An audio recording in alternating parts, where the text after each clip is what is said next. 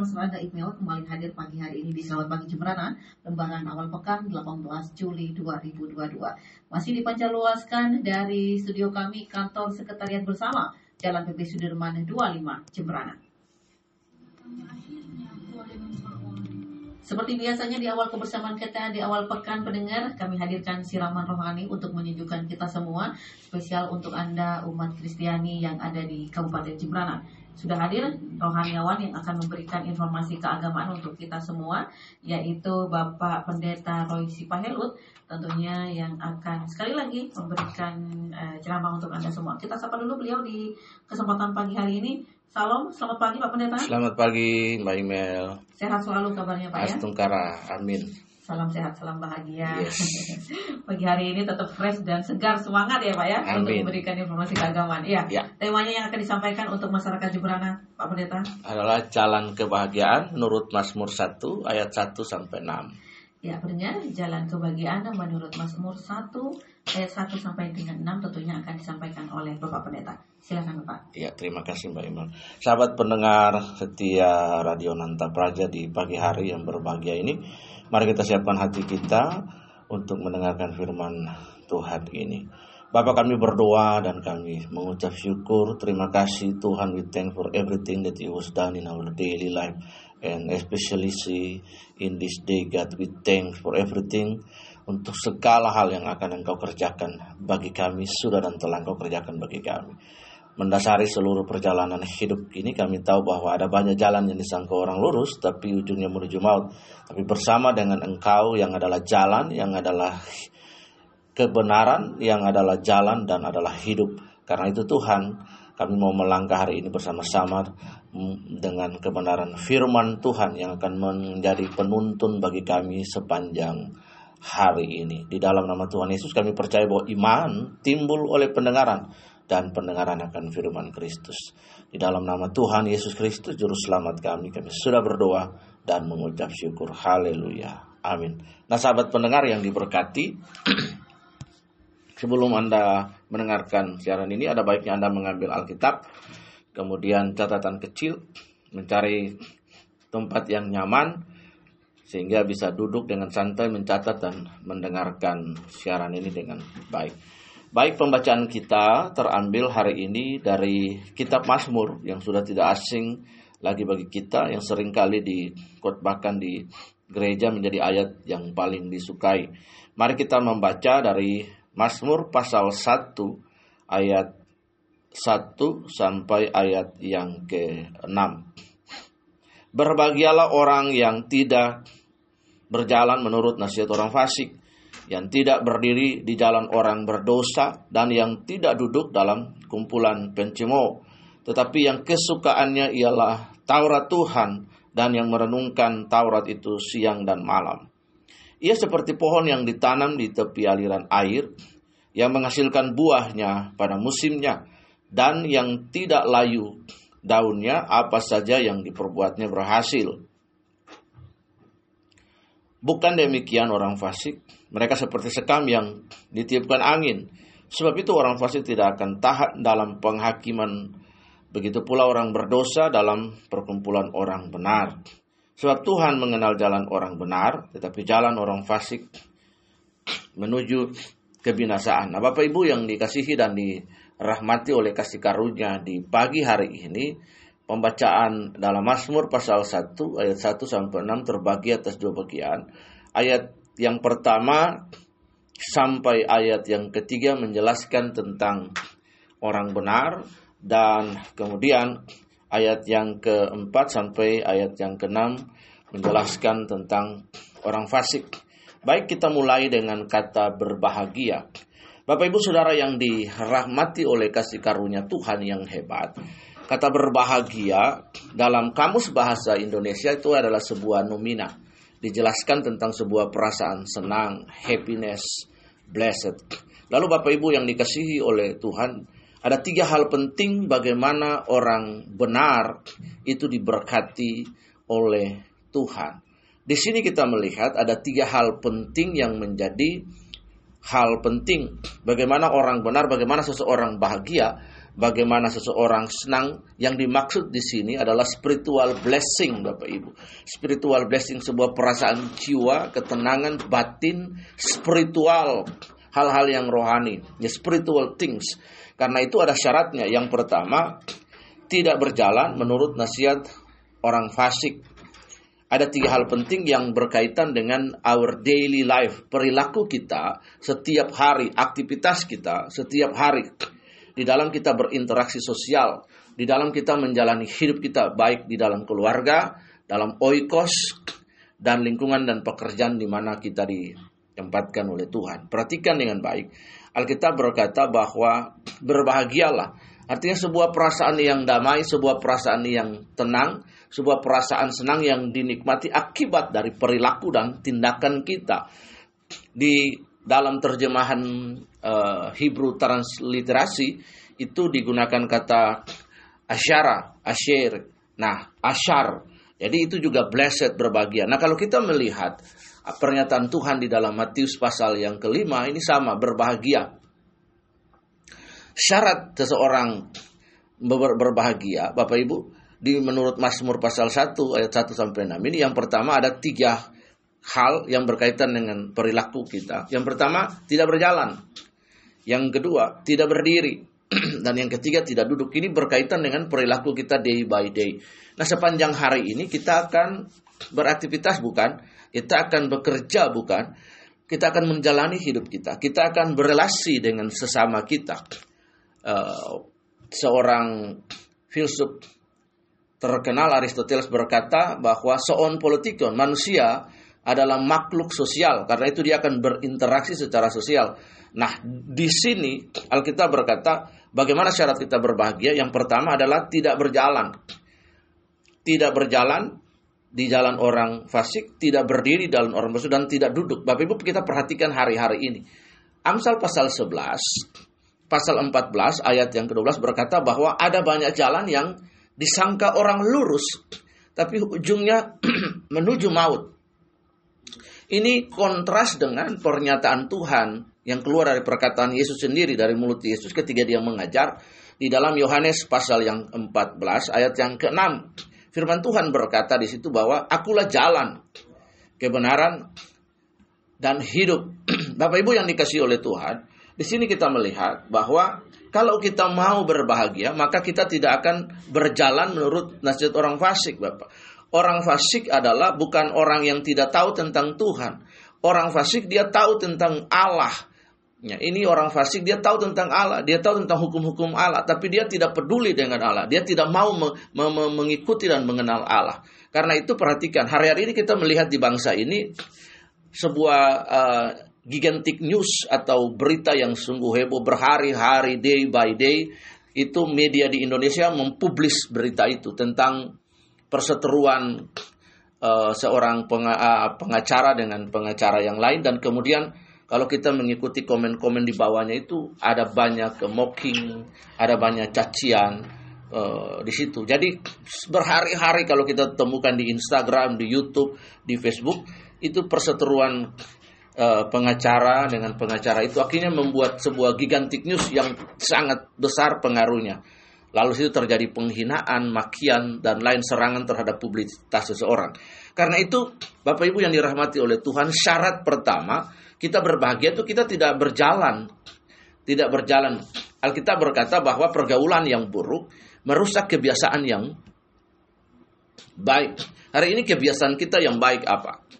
Kalau kebiasaan kita itu habit kita itu nilai kita. Bapak Ibu perhatikan kebiasaan itu adalah sesuatu yang dilakukan terus menerus akhirnya jadi habit lalu jadi karakter.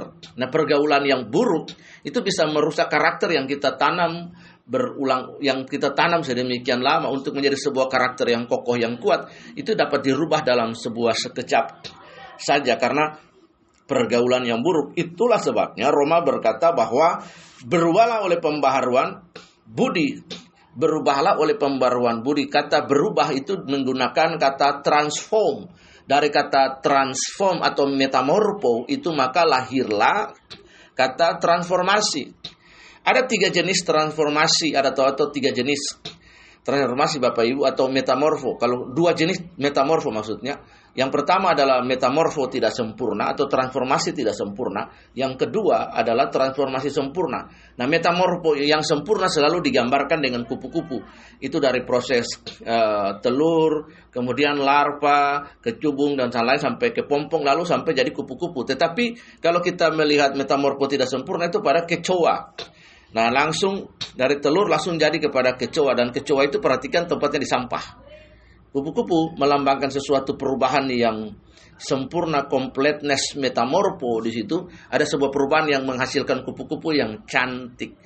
Bapak Ibu yang dirahmati oleh Tuhan. Karena itu mari syarat yang pertama kita tidak berjalan menurut nasihat orang fasik. Iya. Kita tidak sejalan dengan mereka, kita tidak seiring dengan mereka. Bapak Ibu bisa belajar sendiri mengambil catatan, mengambil kesimpulan dari peristiwa yang ada di media itu bagaimana perseteruan berhari-hari bahkan ini sudah sampai kepada bulan saling konferensi pers saling ngejek saling fitnah dan lain urusan mereka tetapi dari peristiwa dari kejadian itu kita dapat mengambil kesimpulan berdasarkan Mazmur 1 ini bahwa kita tidak sedang berjalan menurut nasihat orang fasik. Nah, aktivitas manusia itu kan dia ber, ber, uh, dia berjalan, dia berdiri dan dia duduk itu aktivitas manusia yang tidak luput siapa pun manusianya dia tidak luput dari aktivitas berjalan, berdiri dan duduk. Karena itu sangat penting bagi kita Bapak Ibu yang dirahmati oleh kasih karunia itu supaya kita berbahagia, kita diberkati, perhatikan cara kita bergaul. Tidak menurut nasihat orang fasik, menempuh jalan orang fasik, sederap dengan mereka, selangkah dengan mereka, kongsi dengan mereka, bergaul dengan mereka, ini sepemahaman dengan mereka. Ini yang kita tolak, Bapak Ibu, yang dikasihi oleh Tuhan. Ada sebuah perasaan spiritual yang membuat kita bertumbuh dalam kasih karunia, pengertian kita terbangun kalau kita tidak berjalan menurut nasihat orang fasik, Bapak Ibu. Sekali lagi orang fasik itu bukan berarti orang yang terang-terangan menolak Allah, enggak. He knows about God, but he didn't care about God. Perhatikan, ini yang dimaksud dengan teis teoris, teoritis tapi ateis praktis. Artinya dia punya pemahaman, punya knowledge about God baik sekali, tapi dalam perilaku Kristen, perilaku hidup itu ateis praktis ya. Menolak Allah, menolak melibatkan Allah dalam semua pilihan dan keputusan. Karena itu berbahagialah orang yang tidak berjalan menurut nasihat orang fasik. Tidak berjalan ya. Tidak sederap dengan mereka tidak selangkah dengan mereka tidak sepengertian dengan mereka tidak sepergaulan dengan mereka tidak sekomunitas dengan mereka. Ini penting sekali. Yang kedua Bapak Ibu yang dirahmati oleh kasih karunia Tuhan yang tidak berdiri di jalan orang berdosa ya, yang tidak berdiri di jalan orang berdosa Bapak Ibu kata Dosa itu kan dari kata hamartia. Nah, artinya disappointed. Artinya melenceng.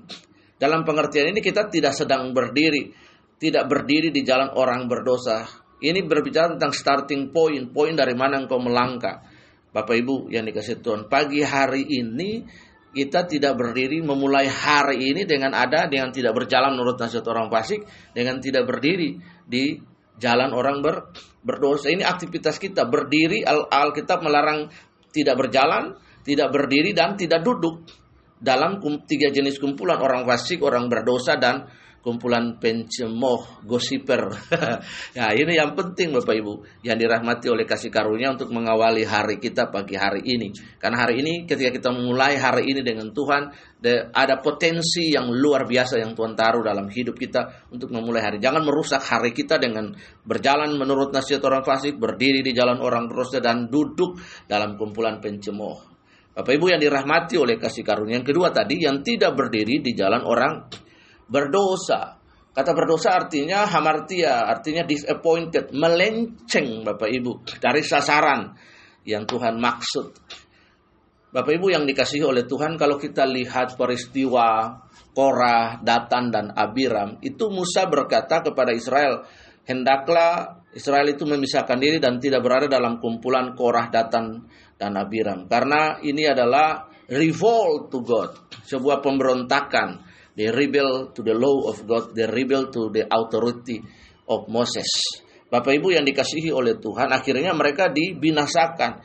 Nah, tidak berdiri di jalan orang berdosa. Kita tidak sepemahaman dengan mereka, tidak sepengertian dengan mereka. Kita bisa melenceng dari apa yang Tuhan mau dalam hidup kita. Karena orang-orang kata dosa itu artinya tidak tepat sasaran, tidak sampai tujuan. Di tengah jalan mereka akan hancur. Bapak Ibu yang dirahmati oleh kasih karunia Tuhan. Dan yang ketiga, yang tidak duduk dalam kumpulan pencemooh yang tidak duduk dalam kumpulan pencemooh gosiper hari ini. Kita lihat Bapak Ibu, saya kalau melihat itu di media ngeri juga karena ada ribuan komentar di situ. Nah, perseteruan-perseteruan antara orang-orang terkenal di media ini, pengacara ini lalu saling memberikan konferensi. Di bawah komentar itu kita lihat ada beragam cacian, makian, hinaan, Ya, kalau hal-hal yang buruk itu cepat sekali orang maki, orang memfitnah, orang kata-kata negatif, tetapi hal-hal yang baik itu perlu. Nah, karena itu mulailah hari kita dengan memposting hal-hal yang baik. Mengikuti status-status yang baik di media sosial yang dapat membangun kita, yang dapat mengedukasi kita sehingga skill kita bertambah, pengetahuan kita, knowledge kita bertambah. Kemudian yang dapat menambah nilai dalam hidup kita. Jadi saya pun menggunakan media sosial dengan baik. Saya posting hal-hal yang baik, melakukan uh, kritik yang konstruktif bagi dunia kekristenan terus dan saya tidak memasuki ranah-ranah politik sosial praktis dan lain sebagainya sebagai rohaniawan. Karena itu perhatikan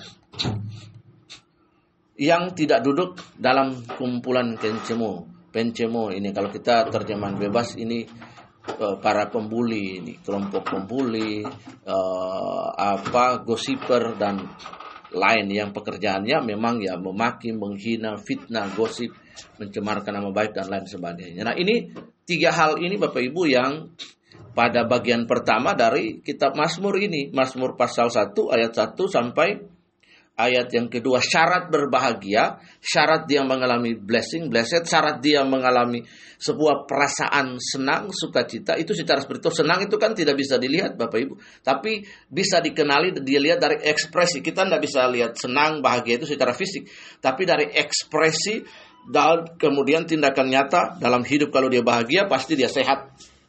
Kalau dia bahagia pasti dia senang dan lain sebagainya. Nah, Bapak Ibu yang dikasih oleh Tuhan, ini adalah syarat berbahagia. Tiga hal itu yang berkaitan dengan aktivitas sosial kita. Dia tidak berjalan, kemudian dia di jalan orang nasihat orang fasik, tidak berdiri di jalan orang berdosa dan tidak duduk dalam kumpulan pencemooh. Nah, syarat yang berikut tetapi yang kesukaannya ialah Taurat Tuhan.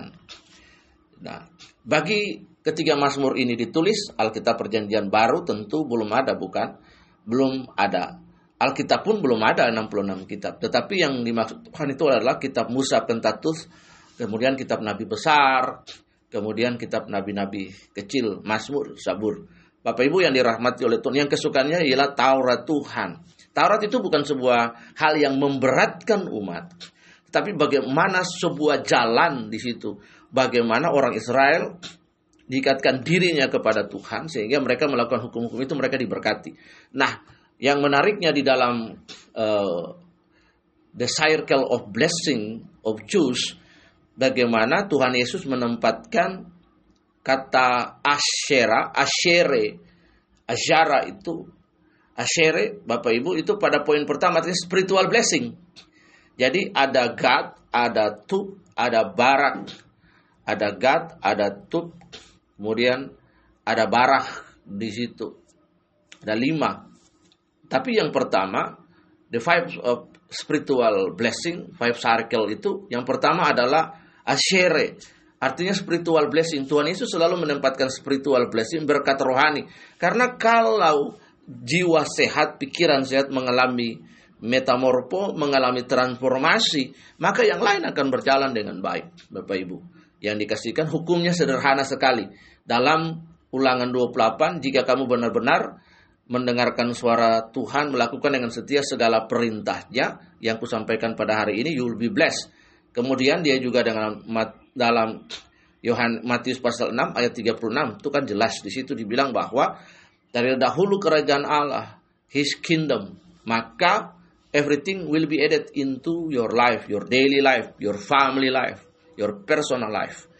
Itu diberkati Bapak Ibu. Jadi ini hal yang sangat dan yang merenungkan Taurat itu siang dan malam. Saya ada ingat satu lagu dinyanyikan ku renungkan firmanmu siang dan malam ku pegang perintahmu dan ku lakukan nah ini sangat penting kata renungan itu berbicara tentang meditasi the meditation the word of God mengambil waktu makanya tadi di awal saya bilang sebelum Bapak Ibu mendengarkan ambil Alkitabnya, kitab suci, ambil catatan kecil, kemudian boleh membuat catatan dari poin-poin khotbah yang saya sampaikan. Kemudian di aplikasi itu mendengar yang baik. Mendengarkan yang disampaikan, menyimak, mencatat, ada poin-poin penting, dicatat, lalu kemudian diterapkan di dalam hidup sehingga tidak saja mendengar, memahami, tapi kemudian mempraktikkan dan melakukan sehingga ada the good result di situ yang baik. Baik Bapak Ibu, kita lihat ini adalah syarat berbahagia.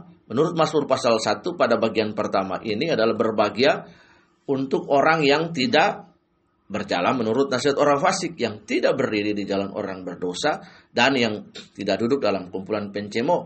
Tetapi syaratnya adalah dia kesukaannya ialah Taurat Tuhan. Yang merenungkan yang memeditasikan firman Tuhan itu dalam perilaku hidupnya day by day setiap hari Baik Bapak Ibu yang dikasih oleh Tuhan. Yang kedua, bagian kedua, berkat eh, bagian berkat dari poin yang pertama adalah tadi adalah syarat orang berbahagia, kemudian ciri orang berbahagia, lalu yang ketiga berkat orang berbahagia. Nah, berkat orang yang berbahagia, Bapak Ibu, ia di dipersonifikasikan seperti pohon yang ditanam di tepi aliran air yang menghasilkan buahnya pada musimnya dan yang tidak layu daunnya apa saja yang diperbuatnya berhasil itu Bapak Ibu jadi ini persis seperti ulangan 28 jika engkau baik-baik mendengarkan suara Tuhan, melakukan dengan setia yang kusampaikan,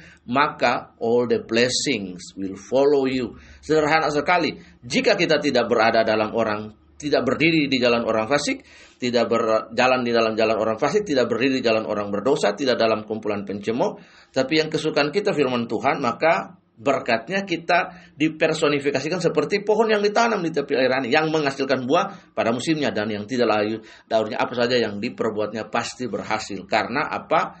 Ada dekat dengan sumber di situ.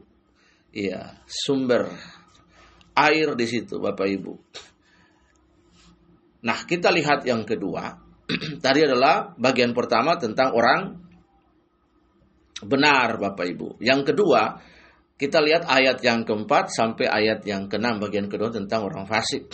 Bukan demikian orang fasik mereka tidak seperti sekam yang ditiupkan angin. Sebab itu orang fasik tidak akan tahan dalam penghakiman. Begitu pula orang berdosa dalam perkumpulan orang benar. Sebab itu, sebab Tuhan mengenal jalan orang benar dan jalan orang fasik menuju kebinasaan. Bapak Ibu di dalam sebuah catatan kitab Daniel ketika ada tulisan di dinding kepada raja itu dibaca artinya teke teke mene uvarzin artinya ditimbang tapi ringan kalau kita selaraskan dengan pengertian di sini tentang orang fasik seperti sekam, itu artinya there's no quality, tidak ada kualitas. Nah, karena itu ada ada kuantitas, ada kualitas. Dua-dua ini sangat penting Bapak Ibu. Nah, di sini Tuhan orang fasik dipersonifikasikan seperti sekam yang ditiupkan angin, tidak punya bobot, there's no quality. Kualitas berbicara tentang hak yang kehidupan, nilai, value, morality, ethics yang diproduksi oleh seorang manusia lewat perjalanan hidup. Nah, nilai-nilai moral, etika, agama, budaya itu diproduksi dalam keluarga. Bagaimana seorang suami, bapak, ibu menanamkan nilai-nilai yang baik, moralitas, keagamaan yang baik, kemudian pengertian yang baik, etika yang baik dalam keluarga. Nah, di bangsa ini kita punya pilar. Bapak Ibu yang dikasihi. Ada empat pilar kebangsaan yang perlu kita tanamkan kepada uh, anak-anak kita. Di dalam masa MPLS kebetulan saya punya banyak anak asuh. Saya menekankan kepada mereka bahwa jangan gaya-gayaan, hati-hati kalau saya dipanggil, harus upacara bendera yang baik. Kalian tidak berjuang untuk kemerdekaan, tapi hanya mengisi kemerdekaan. Kalian lihat di YouTube, saya kasih tunjuk bagaimana ada veteran tua, dia melewati uh, sebuah jalan dan di situ sedang ada upacara bendera. Dia berhenti dan dia menghormati bendera di mana dia berjuang untuk bendera itu. Jadi ada nilai-nilai yang baik. Kita menanamkan nilai kebangsaan. Jadi pilar-pilar kebangsaan itu Pak Undang-Undang Dasar 45, Pancasila sebagai pilar nilai values bangsa. Kemudian ada NKRI, kemudian ada Bhinneka Tunggal Ika Tanah Dharma ini perlu kita tanamkan bagaimana bangsa ini nasionalis, bagaimana sikap uh, keberagamaan kita berbeda-beda tapi satu. Itu perlu kita tanamkan bagi anak-anak kita sehingga nilai itu menjadi kuat di dalam kita berrelasi sosial. Nah, Bapak Ibu yang dikasih oleh Tuhan tidak punya quality. Orang fasik ini tidak punya kualitas tentang hidup. Nah, tidak punya kualitas hidup. Bayangkan kalau seseorang sudah tidak punya kualitas hidup hari ini orang bekerja saja butuh skill Nah, orang tanya bagaimana apa first degree, second degree, atau apa sekolah atau high school itu berbeda salary-nya, gajinya. Bapak Ibu yang dikasih oleh Tuhan. Karena itu Bapak Ibu yang dikasih Tuhan, di dalam hal kerohanian pun kita dituntut supaya kita punya nilai values Bapak Ibu yang dikasih oleh Tuhan. Mereka tidak punya kualitas ditiupkan angin. Kalau kita membandingkan lagi dengan Matius pasal 7 kita akan menemukan bahwa Tuhan Yesus berkata, berbahagialah orang yang mendengar firmanku dan melakukan.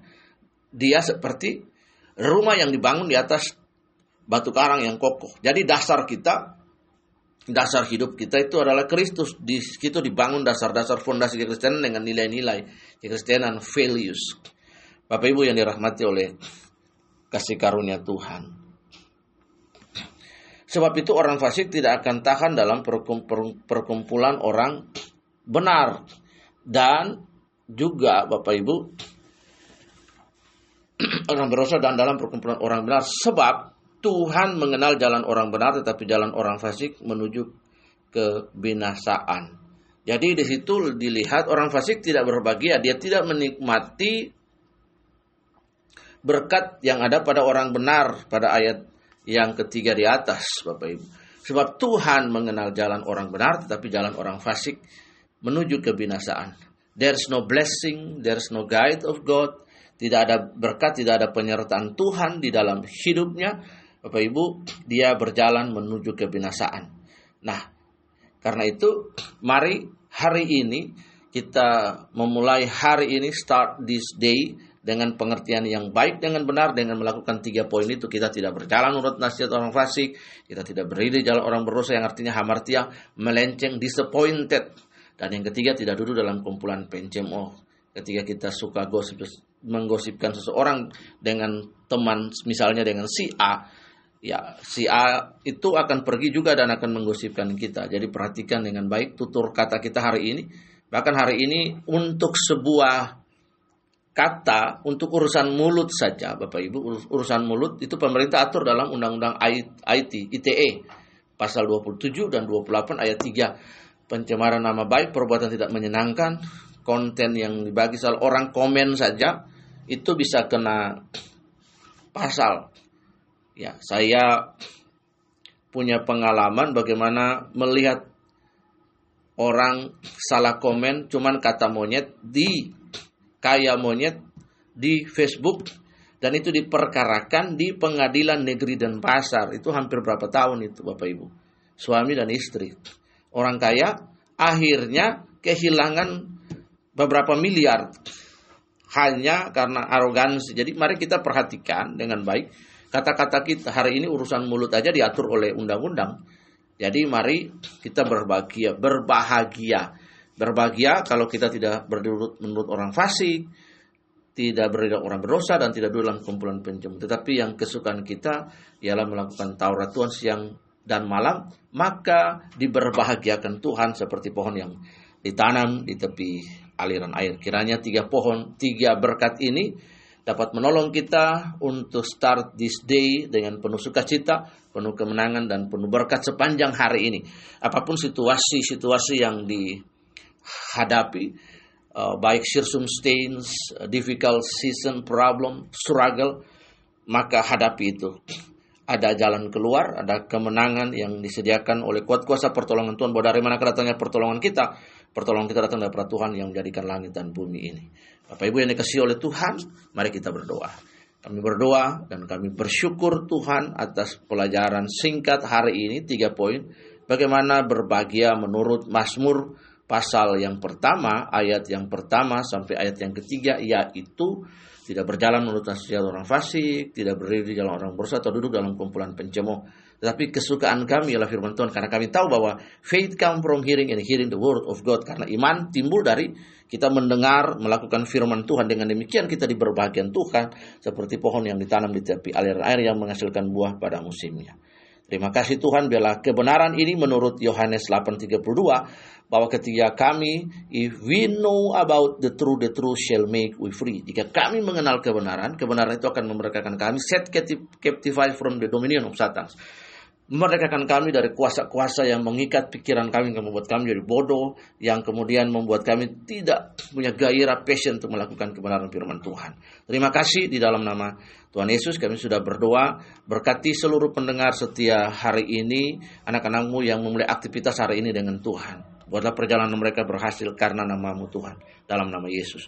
Tuhan hari ini kami membawa kabupaten kami Jembrana ke dalam tangan Tuhan. Tuhan terima kasih untuk proses-proses pembangunan di Kabupaten Jembrana.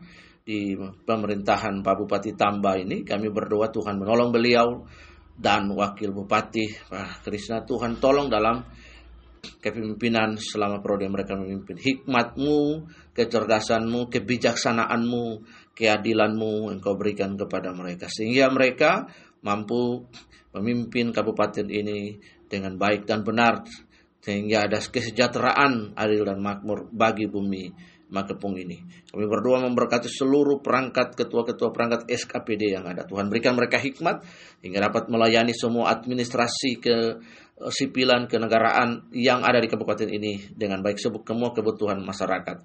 Berdoa sehingga bumi Jembrana ini diberkati sampai kepada ASN-ASN Tuhan memberkati mereka. Kelurahan-kelurahan kecamatan perbekel 52 desa Tuhan memberkati 9 kelurahan di kecamatan Tuhan memberkati dari Pekutatan, Badingkayu sampai ke Gilimanuk Tuhan memberkati. Terima kasih Tuhan untuk damai sejahtera kerahajuan kerajaan bagi kabupaten kami. Kami berdoa memberkati radio di mana radio ini dipakai untuk memberitakan Tuhan hal-hal dan informasi mengenai pembangunan masyarakat, mengedukasi masyarakat Tuhan. Tolong radio ini di dalam nama Tuhan Yesus. Memberkati Tuhan, Pak Putu, dan seluruh kru yang ada Tuhan memberkati juga Mbak Email dengan rumah tangga mereka masing-masing, anak-anak mereka, Tuhan pekerjaan suami istri mereka semua Tuhan memberkati. Kerahayuan dan kerajengan Tuhan berikan kepada mereka di dalam nama Tuhan. Radio ini terus ada untuk memberitakan kabar baik, mengedukasi masyarakat sehingga masyarakat menjadi lebih pintar secara digital dan secara hal-hal yang lain. Kami menyerahkan hari ini dalam tangan Tuhan. Kami memberkati Tuhan sekali lagi Presiden kami Bapak Joko Widodo Tuhan memberkati dengan ibu negara, para menteri yang ada pembantu Tuhan memberkati. Di provinsi kami ada rencana G20 yang dari seluruh dunia. Tuhan memberkati pemerintahan provinsi Bali. 8 kabupaten, satu kota Madia Tuhan memberkati. Sehingga Bali ini penuh dengan damai, penuh dengan keajegan, penuh dengan kerahayuan. Terima kasih untuk berkatmu atas pulau kami yang indah, yang tercinta ini Tuhan. Di dalam nama Tuhan Yesus. Mari Bapak Ibu angkat tangan dan terima berkat Tuhan. Bapa kami berdoa, Engkau menghadapkan wajah kepada kami dan menyinari kami dengan wajahmu dan berikan kami damai sejahtera. Mulai hari ini sampai kami memasuki malam nanti beristirahat. Berkatmu, perkenananmu, cintamu atas kami. Di dalam nama Tuhan Yesus kami sudah berdoa dan kami terima berkatmu. Haleluya. Amin.